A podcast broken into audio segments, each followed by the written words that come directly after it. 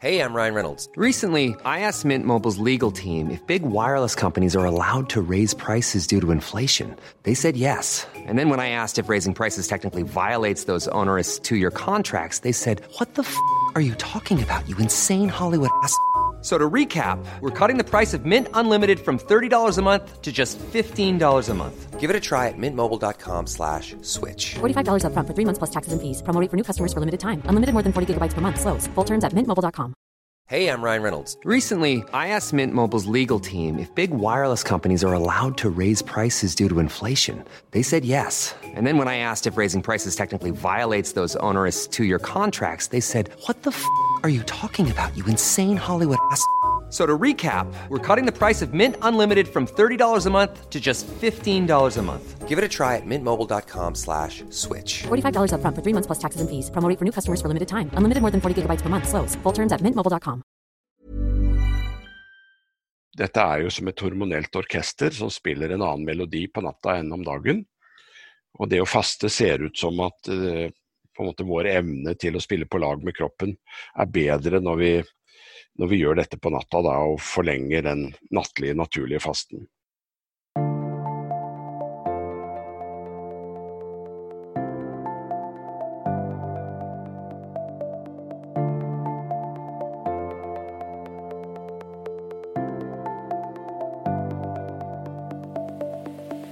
Hallo, Sara Lossius her med podkasten Ingefær, som forhåpentligvis gjør deg litt lykkeligere. Dagens gjest, som du hørte, er lege Stig Bruseth, og vi snakker om faste. Mange av dere har etterlyst dette temaet, og jeg har en følelse av at det ikke er siste gangen faste blir tema på Ingefær. Det er nemlig veldig spennende. I denne episoden snakker Stig om hva faste er, ulike typer faste, hvilke helsemessige fordeler den kan ha, at faste ikke er for alle, og det psykologiske ved å faste. Stig mener at eh, faste, næringsrik mat, nok søvn og bevegelse er nøkkel for et langt og sunt liv, og vi snakker ganske mye om det i denne episoden.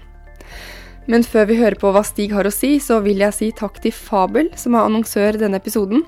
Fabel gir deg tusenvis av bøker eh, rett i lomma på mobilen din, så hvis du sender en SMS med kodeord 'Sara' til 2280 nå, kan du høre på lydbok rett etter at du har hørt ferdig ukens episode av Ingefær. I episode 148 av Ingefær anbefalte jeg barnebøker, i episode 149 faktabøker, og i denne episoden vil jeg dele noen fine skjønnlitterære opplevelser med dere. I fjor så var det Lars Mytting sin bok 'Søsterklokkene' som var en av mine store skjønnlitterære opplevelser, og den bor i meg fremdeles. Jeg kan nesten ikke vente på oppfølgeren, så den må lyttes til. En annen bok som fortsatt lever i meg, er Sadie Smith sin 'Hvite tenner'. Rett og slett en fantastisk bok. Og så har jeg to bøker på lyttelisten, og det er Roskva Korinski sin bok 'Jeg har ennå ikke sett verden', og boken 'Jeg skal beskytte deg' av Birger Emanuelsen. Det er to bøker som har fått gode anmeldelser, og som jeg tror skal både være fine og vonde. Så disse bøkene og tusenvis av flere titler får du hos Fabel, og du kan lytte til de når du går tur, steller i hagen, eller prøver å få litt egentid hvor enn du er. Så ønsker du fire ukers gratis lytt, sender du en SMS med kodeord SARA til 2280. Tilbudet gjelder kun nye lyttere. Og nå, god lytt på Fabel, og så god lytt på Ingefær. Over til Stig. Hallo, Stig. Velkommen til eh, Ingefær podkast. Takk for det. Det er så mange som har etterspurt temaet faste, så endelig på tide. Og jeg tenkte vi bare kjører på. Um, hva er å faste? Å faste, det er å eh, spise mindre eller ingenting eh, en periode. Men det fins jo mange ulike typer faste. Altså man eh, hadde 5-2 for noen år siden. Og så er det jo ett døgn, flere døgn, periodisk faste osv. Kan, du- kan du forklare litt de ulike typene som man har? Altså Historien eh, er jo mye lenger tilbake enn det du nevner. Mm. Eh, for noen år tilbake. Altså Faste er jo noe mennesket har gjort mer eller mindre frivillig i hele vår eh, evolusjonære fortid, fordi vi ikke hadde mat. Man har jo alltid tenkt at dette var ugunstig og, og, og negativt. Og så har ny forskning vist at det kan også ha en del positive effekter. Eh, så har jo religionen vært interessert i faste i en par-tre tusen år. Eh, så muslimene har jo sin ramadan. Mm. Eh, katolikkene har sin faste, de kristne har sin eh, faste. Det sies at Jesus eh, gikk ut i ørkenen i 40 døgn og fastet og ba. Uh, og det er fullt av eksempler opp gjennom historien at man har kjent til faste, og det har vært brukt hva skal man si, på forskjellige nivåer. Både et åndelig nivå og et, et fysisk nivå. Men altså før i tiden, uh, det åndelige tenker jeg på at man når man faster og når man avstår fra noe, så kjenner man kanskje på det som virkelig betyr noe for en. Altså For å trekke paralleller til nå om dagen, så kjenner jeg veldig på hvilke folk jeg virkelig savner i livet mitt, fordi jeg ikke får lov til å treffe de. Ja. Så det kan kanskje være det åndelige nivået, men hva var kjent fysisk før man begynte å forske på det? Altså Det som var kjent fysisk, det var jo at eh, når du ikke hadde nok mat, så eh, var du nødt til å gire opp et hakk for å prøve å, å få tak i mat. Eh, og når du får for lite mat, så produserer kroppen ketoner. Og det er via en eh, måte å forbrenne fett på som gjør at hjernen eh, får næring. Hjernen eh, trenger egentlig bare to næringsstoffer, og det er eh, sukker og, og, ketoner. Når vi får nok ketoner, så ser det ut som hjernen eh, girer opp og kan løse problemer på en kanskje bedre måte enn det den gjorde før. At vi føler at vi er, har mer overskudd, og at eh, vi blir mer aktive. Eh, det gjelder ikke alle mennesker. Eh, I dag så reagerer folk veldig forskjellig på faste. Men de fleste av våre forfedre de ble mer aktive i søken på mat og, det å jakte etter mat. Og hvis ikke de hadde gjort det, så hadde vi ikke vært her i dag hvis de hadde sittet i hulene sine og, og, vært liksom slitne og trøtte og lei seg og tenkt at nei, dette gir vi opp og vi gidder ikke mer, så, så hadde vi ikke vært her som rase. Men det at du får en økt eh, eh, emne til å adaptere til omgivelsene, det ser ut til å være på en måte helseeffektene, hvis man skal ta et sånt kjernepunkt av eh, effektene av faste. Jeg har lyst til å gå ordentlig inn i det etterpå, men eh, altså nå nevnte du jo en del eh, religiøse faster. Eh, og de er jo litt ulike de òg, så vidt jeg har forstått. Så ramadan er vel fra soloppgang til solnedgang, som kanskje blir litt justert hvis man bor her oppe, f.eks.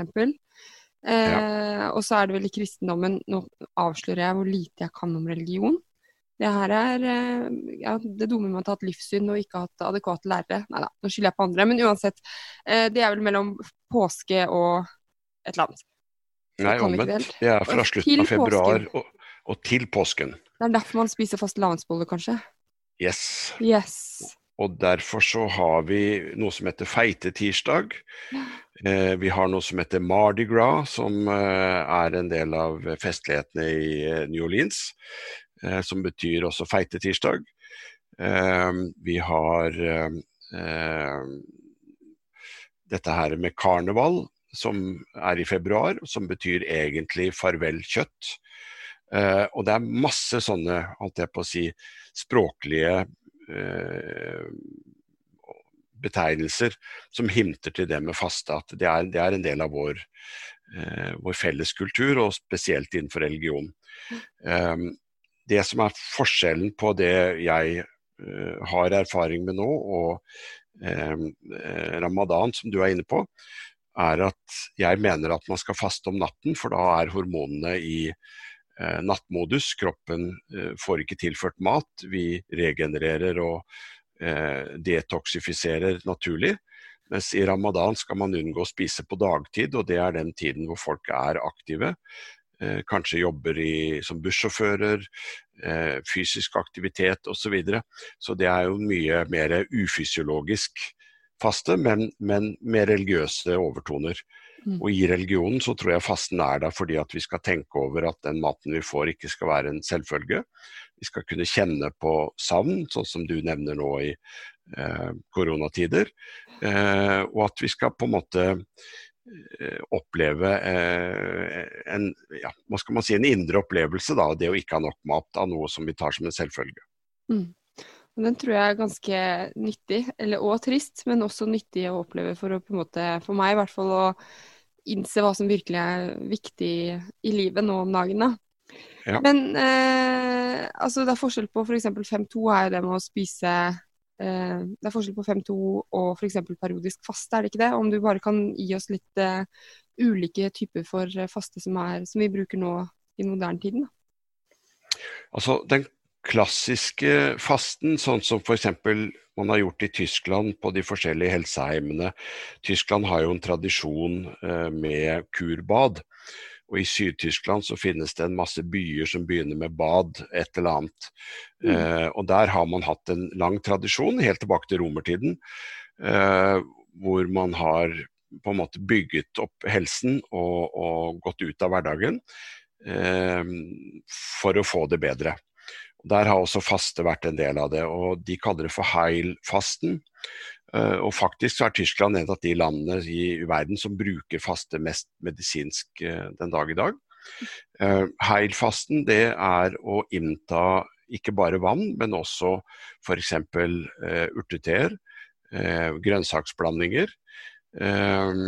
Og, og, og, det er en form for mykfaste på en måte hvor man får litt energi, og hvor man korrigerer syre-basebalansen eh, med en, en, faste på alt fra én til tre uker.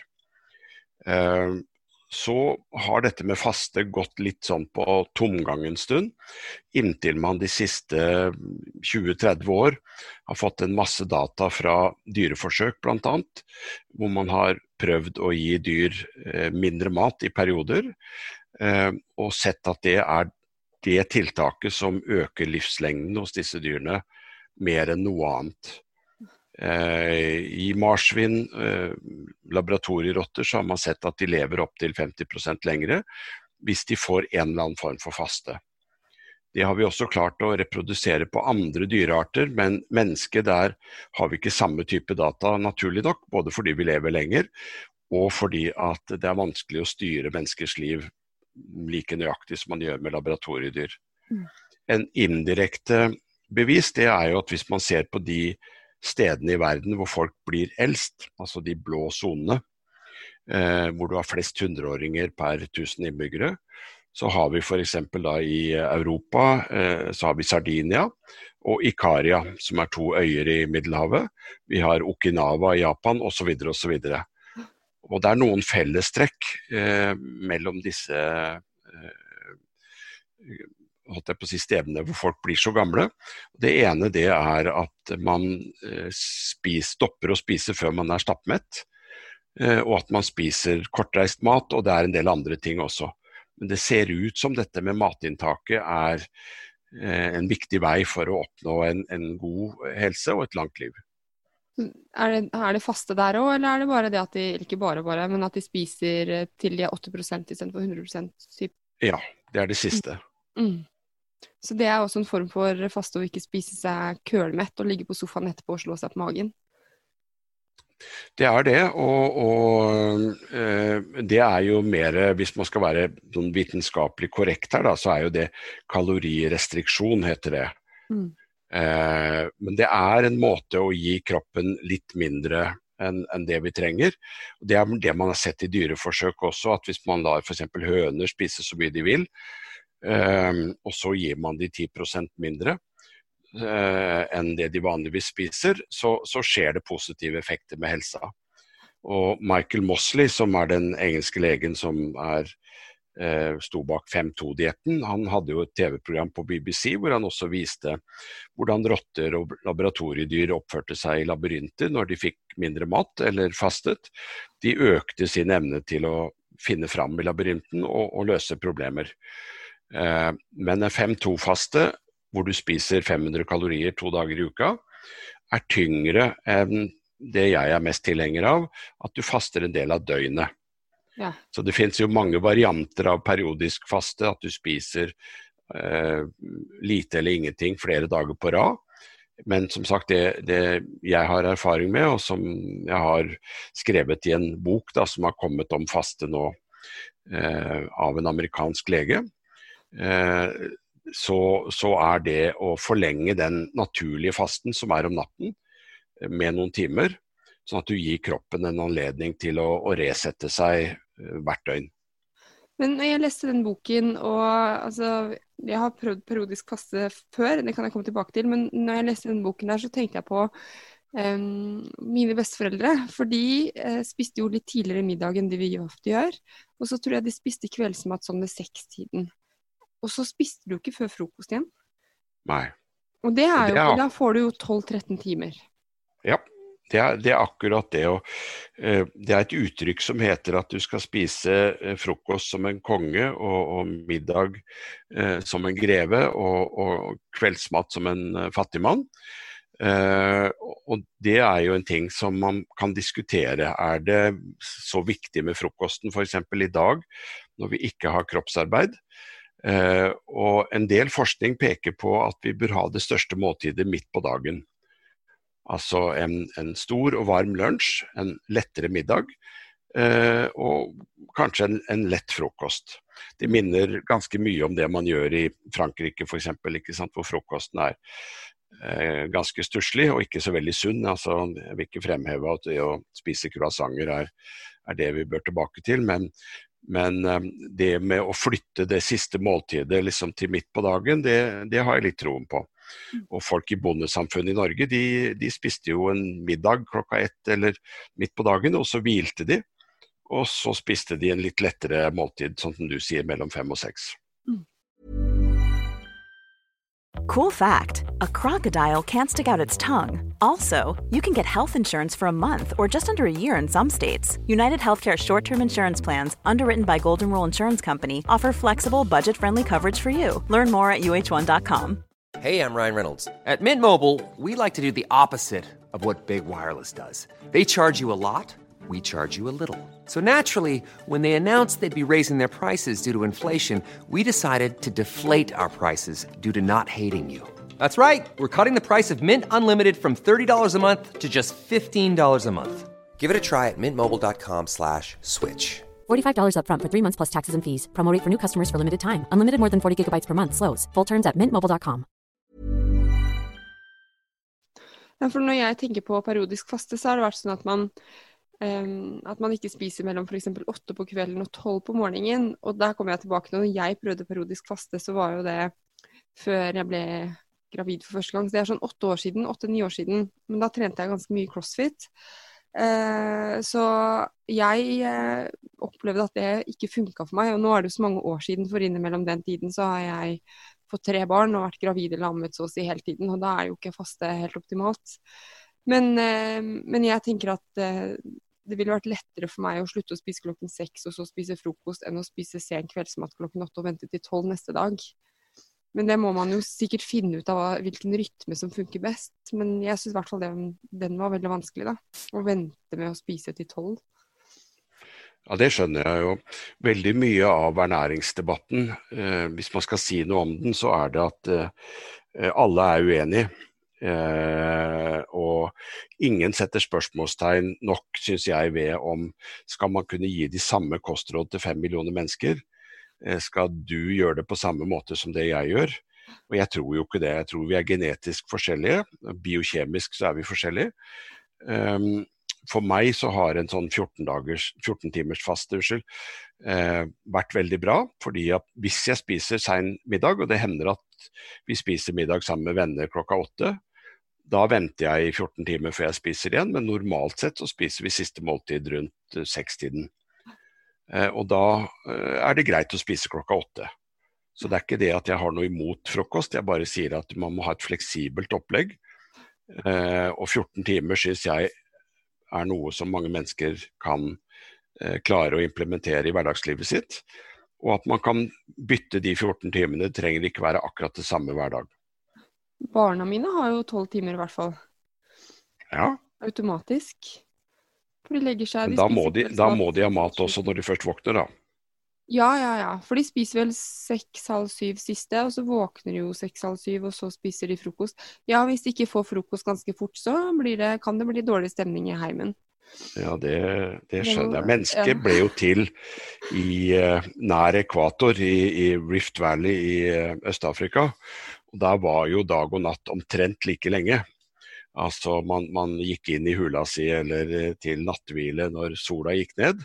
Det blir fort mørkt for de som har vært der nede, de har sikkert opplevd det.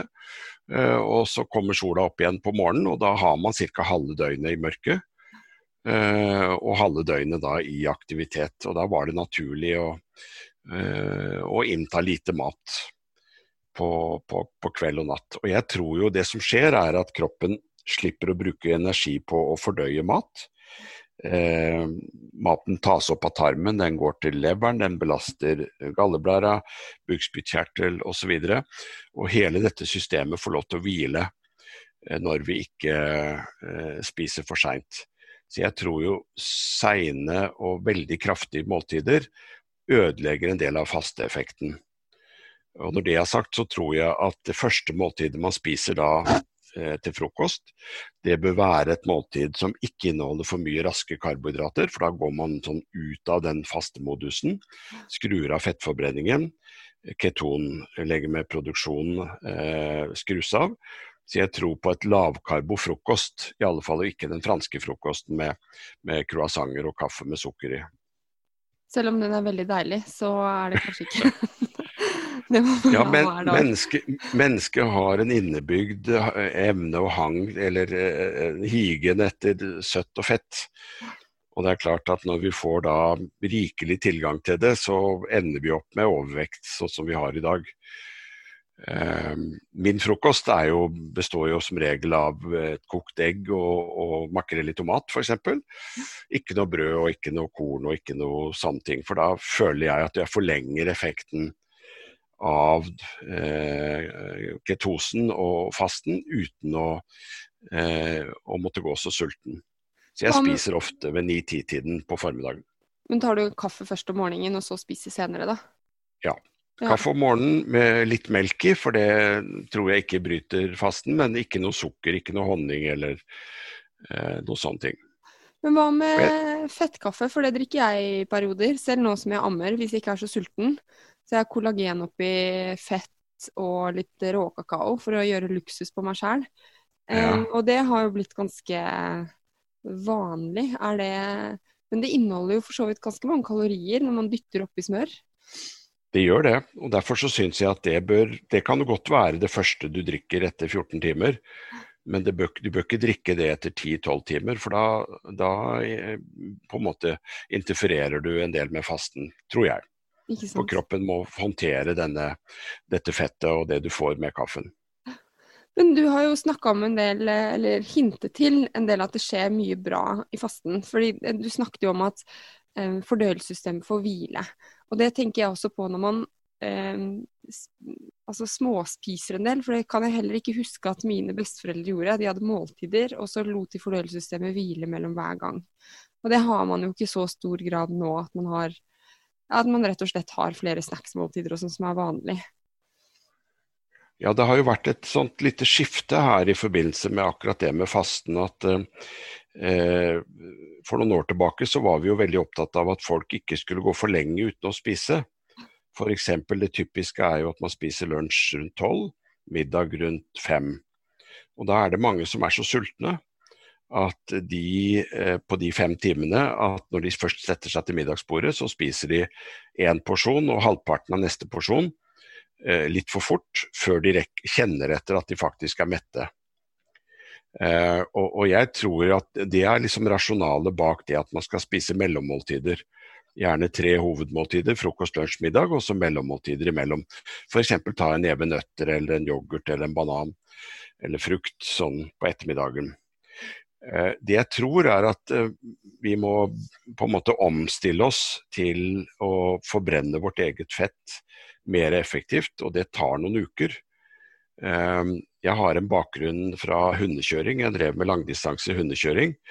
Da så vi at hvis vi tok hunder som var i en hjemmesituasjon hvor de fikk tørrfôr og, og, og karbohydrater og fett og, og protein blandet, og så tok de opp i, i fjellet og, og, og, kjørte de et døgn eller to i strekk. Da måtte vi fôre helt annerledes, altså gå over til fettfôr i, i stadig større grad. Eh, sette krav til forbrenningen deres. Og Det klarte de ikke uten en overgangsfòring eh, på ca. tre uker. Mm. Så Jeg tror mange mennesker som på en måte er veldig sultne til frokost og sier at nei, jeg må ha frokost, det tar en to-tre uker før man på en måte kjenner at man kan greie seg uten. Og det har med vår evne til å mobilisere energi fra egne fettressurser.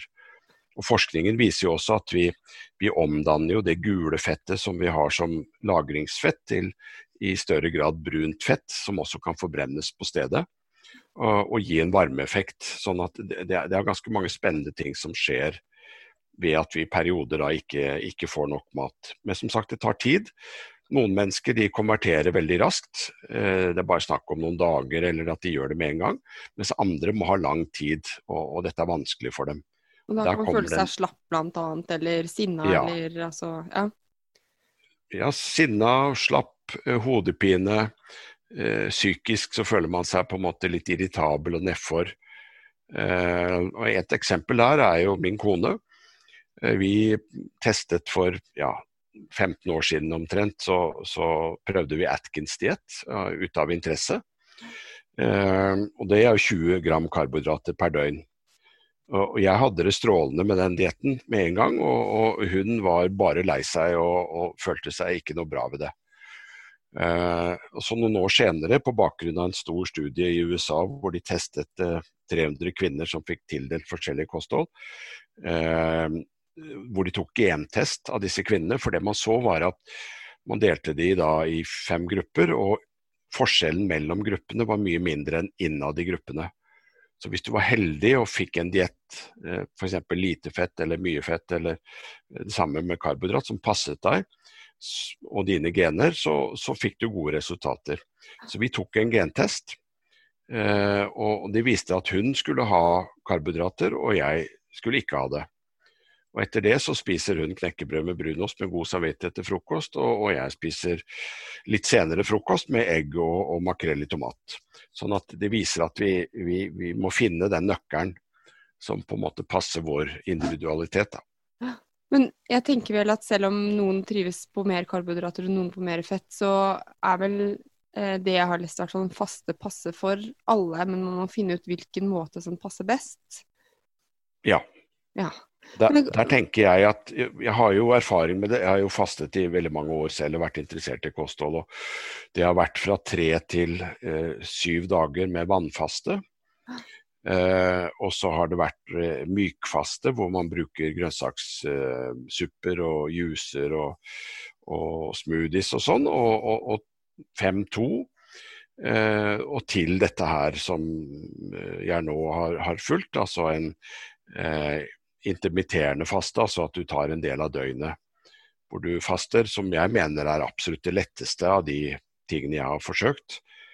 Eh, og jeg tror jo den eh, avgiftningsprosessen som skjer hver natt, eh, er betydelig fordi at du gjør det hver natt. Og det gjør at du har ikke behov for lengre faster eller detox-kurer eller noe, for det, det er noe du gjør hver morgen når du står opp, så har du gjort dette her. Og Det interessante det er hormonsystemet til kroppen, altså bl.a. melatonin som vi produserer om natta. Mm. Uh, dette er jo som et hormonelt orkester som spiller en annen melodi på natta enn om dagen.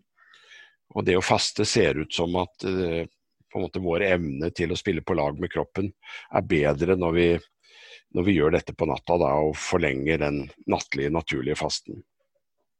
Men hva er det som skjer i kroppen når vi faster? Du har jo nevnt um, ketoner f.eks., at sansene blir skjerpet. Og så har du snakket litt om detox. Og så har du også nevnt at vi lever lenger. Så det virker som at når man, eh, når man faster, så eh, spiller man på lag med kroppen sin på en veldig smart måte. Ja, eh, det har kommet eh, noen sånne veldig gode oversiktsartikler i de beste medisinske tidsskriftene, hvis man kan kalle det det. Det ene er Science, eh, som er et av verdens største allmennmedisinske tidsskrifter. Eller allmennvitenskapelige tidsskrifter. Og så er det New England Journal of Medicine, som hadde en artikkel nå i vinter, eh, som konkluderer med at eh, faste har en hel liste med effekter. Og en av de er at det demper betennelse. Eh, vi har jo veldig mye betennelser i ledd og muskler og i en del sykdommer, reumatiske sykdommer, tarmsykdommer osv. Hvor det å kunne liksom redusere betennelser er, er, viktig. Det ser ut som blodtrykk, eh, blodsukker, alt det som har med sånn livsstilssykdommer eh, bedres. Og så har du dette her med, med veksthormon, som man får mer av når man faster, som gjør at effekten av trening blir bedre. Du får mer overskudd. Uh, og så er det det mentale. Uh, man føler liksom at uh, man tenker klarere, for det ser ut som de ketonlegemene har, har en sånn skjerpende effekt på hjernen til hvert fall de fleste av oss. Selv om det er noen som, som fortsatt liksom reagerer ganske sterkt på det.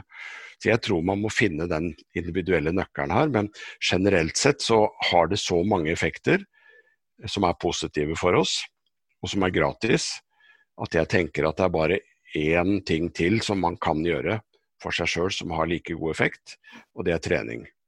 Ja. Eh, og det er jo et annet tema, men, men vi er jo bekymra for et overforbruk av helsetjenester og medisiner, og også medisiner som skal til for å forebygge hva skal man si, livsstilssykdommer. Og jeg tror vi må finne alternativer for at eh, helsevesenet vårt skal være bærekraftig. Og, og, og faste og trening er definitivt der. Det som jeg synes, eh, altså i, den nevnte boken uh, du nevner, som har kommet ut på Cappelen Nam nå nylig, så uh, skriver jo det er en amerikansk bok som er oversatt. Så det er jo en del fokus på eh, vekt og sånn. altså slanking, da. Men det jeg syns er fint med fasting, er at det, det virker som man går ned i vekt med det. men også at det er så mange andre helsefremmende ting.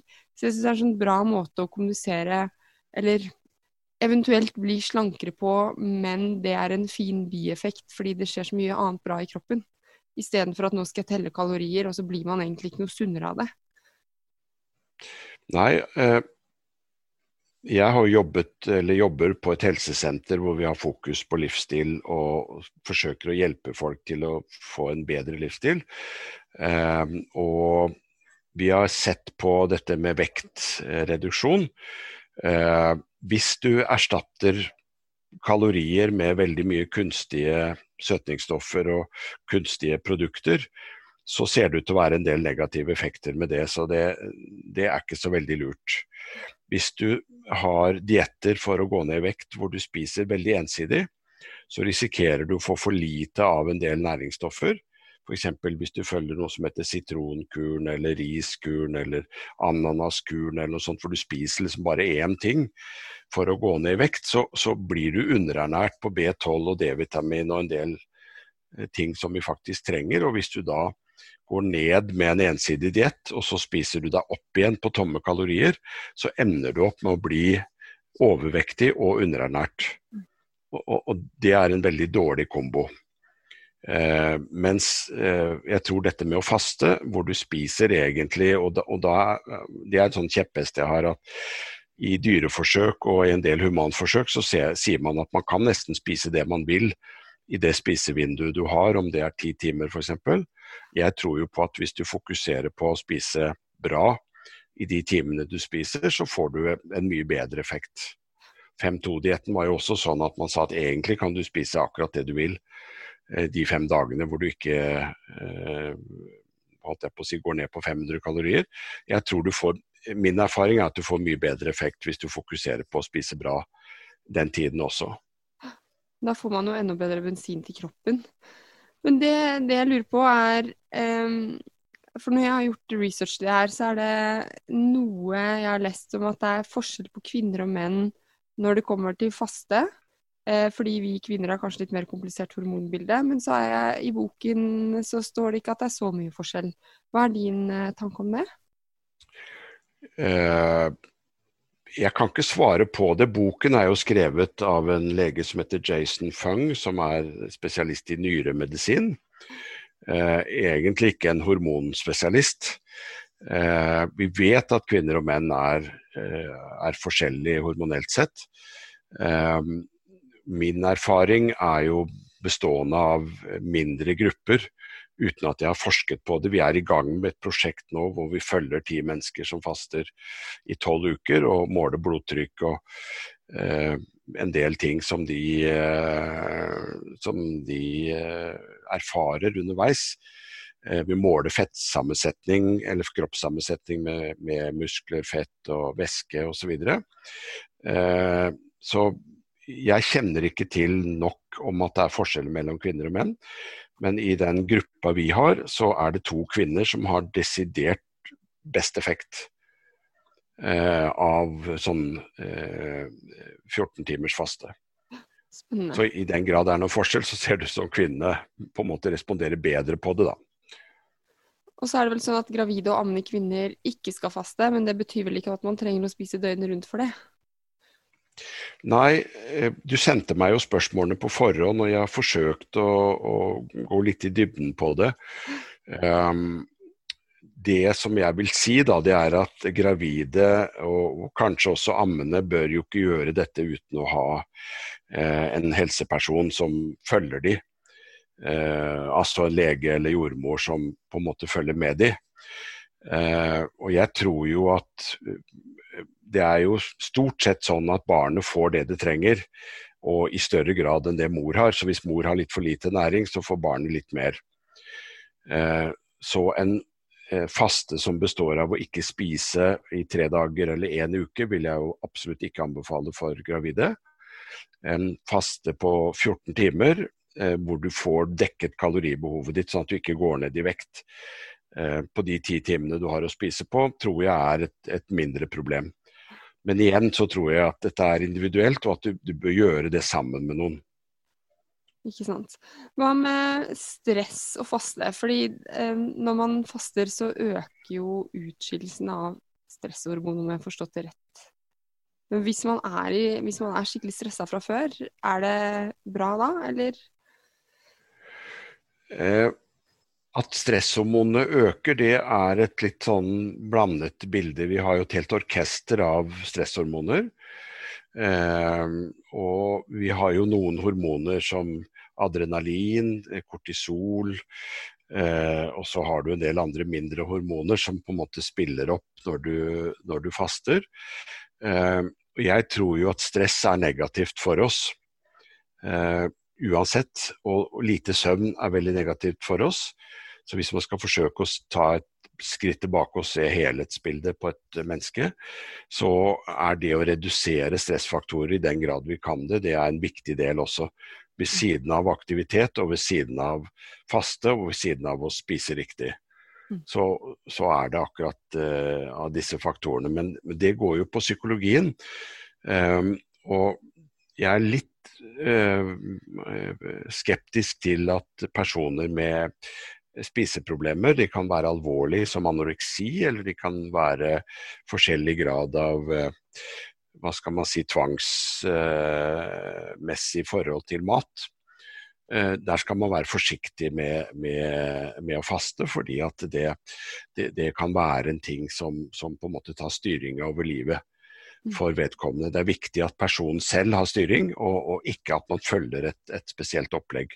Så alle typer dietter hvor man ser på klokka eller teller kalorier, er i utgangspunktet noe man skal være forsiktig med.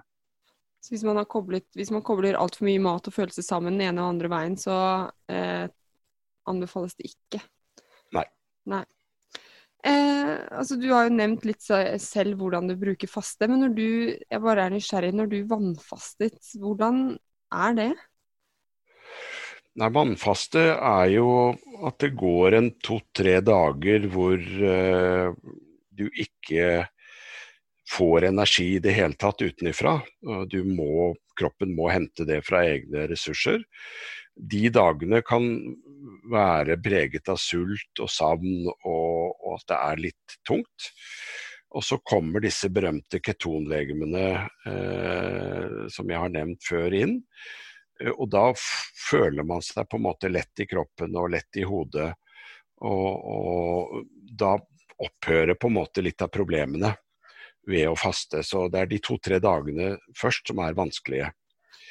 Og så vil jeg jo nevne dette med det psykologiske aspektet at faste hvis, altså Veldig mye av det vi opplever og gjør i livet, kan vi sette i en eller annen ramme. Så hvis rammen er at du drar på et uh, kursted i Tyskland og vannfaster, så er forventningen din at du skal føle deg bedre etter en uke. Uh, og det gjør de fleste. De føler at hodet er lettere, kroppen er lettere, man føler seg renset.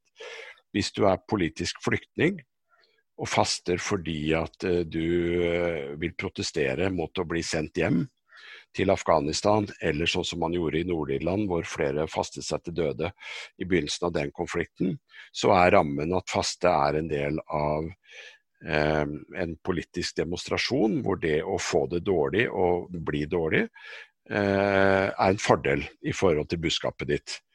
Så de samme personene da som eh, har drukket vann en uke, de må gjerne støttes av en lege eller to. Eh, og, og, og, er veldig slappe og, og, føler seg syke. Så mye av dette handler jo også om på en måte denne rammen, og, sånn er det med livet generelt. hvordan man, Hvis man setter seg selv i en offerrolle i livet og sier at uh, jeg har uflaks og, det er urettferdig og samfunnet har gjort dette her og, og det er ikke min skyld og sånn, så, så, er det en måte å leve på. Eller hvis man er på en måte aktiv deltaker og sier at jeg forventer at dette her skal være bra, dette er noe jeg går til og jeg har kontroll, og osv. Så, videre.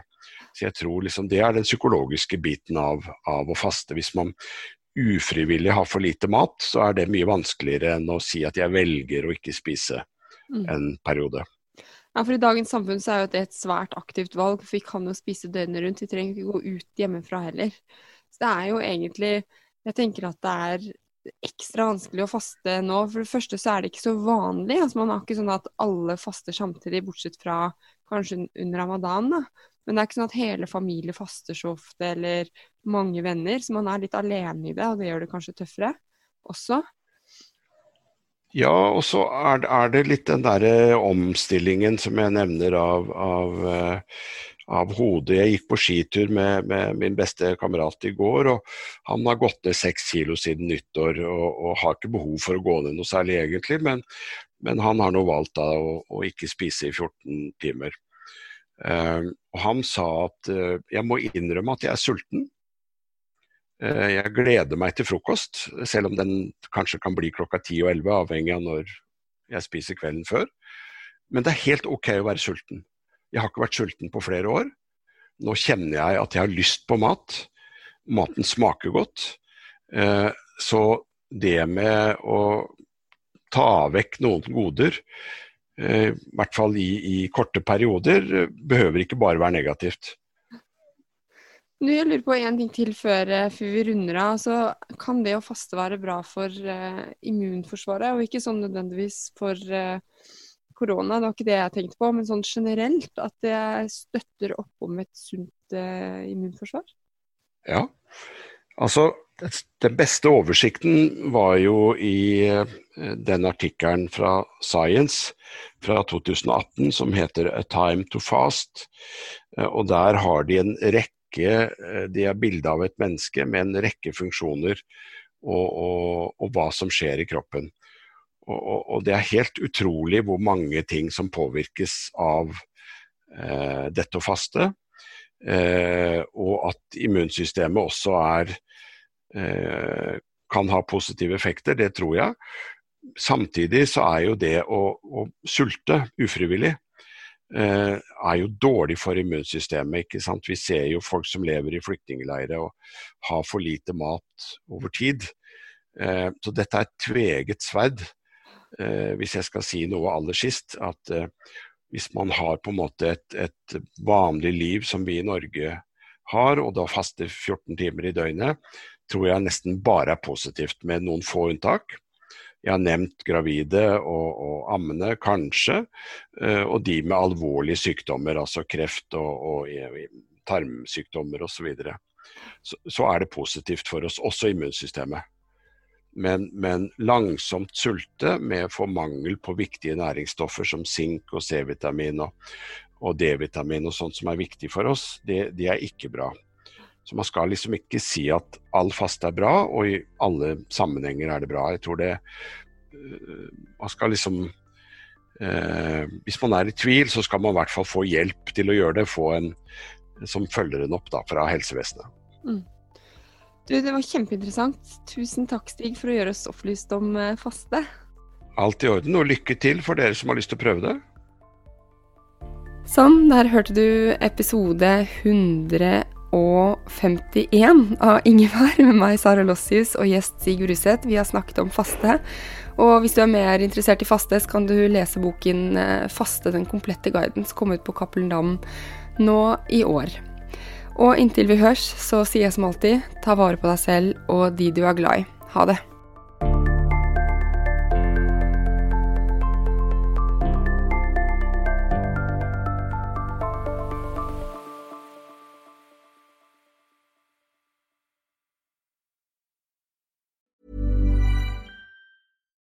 Botox Cosmetic, out of botulinum toxin A, FDA approved for over 20 years. So, talk to your specialist to see if Botox Cosmetic is right for you. For full prescribing information, including boxed warning, visit BotoxCosmetic.com or call 877-351-0300. Remember to ask for Botox Cosmetic by name.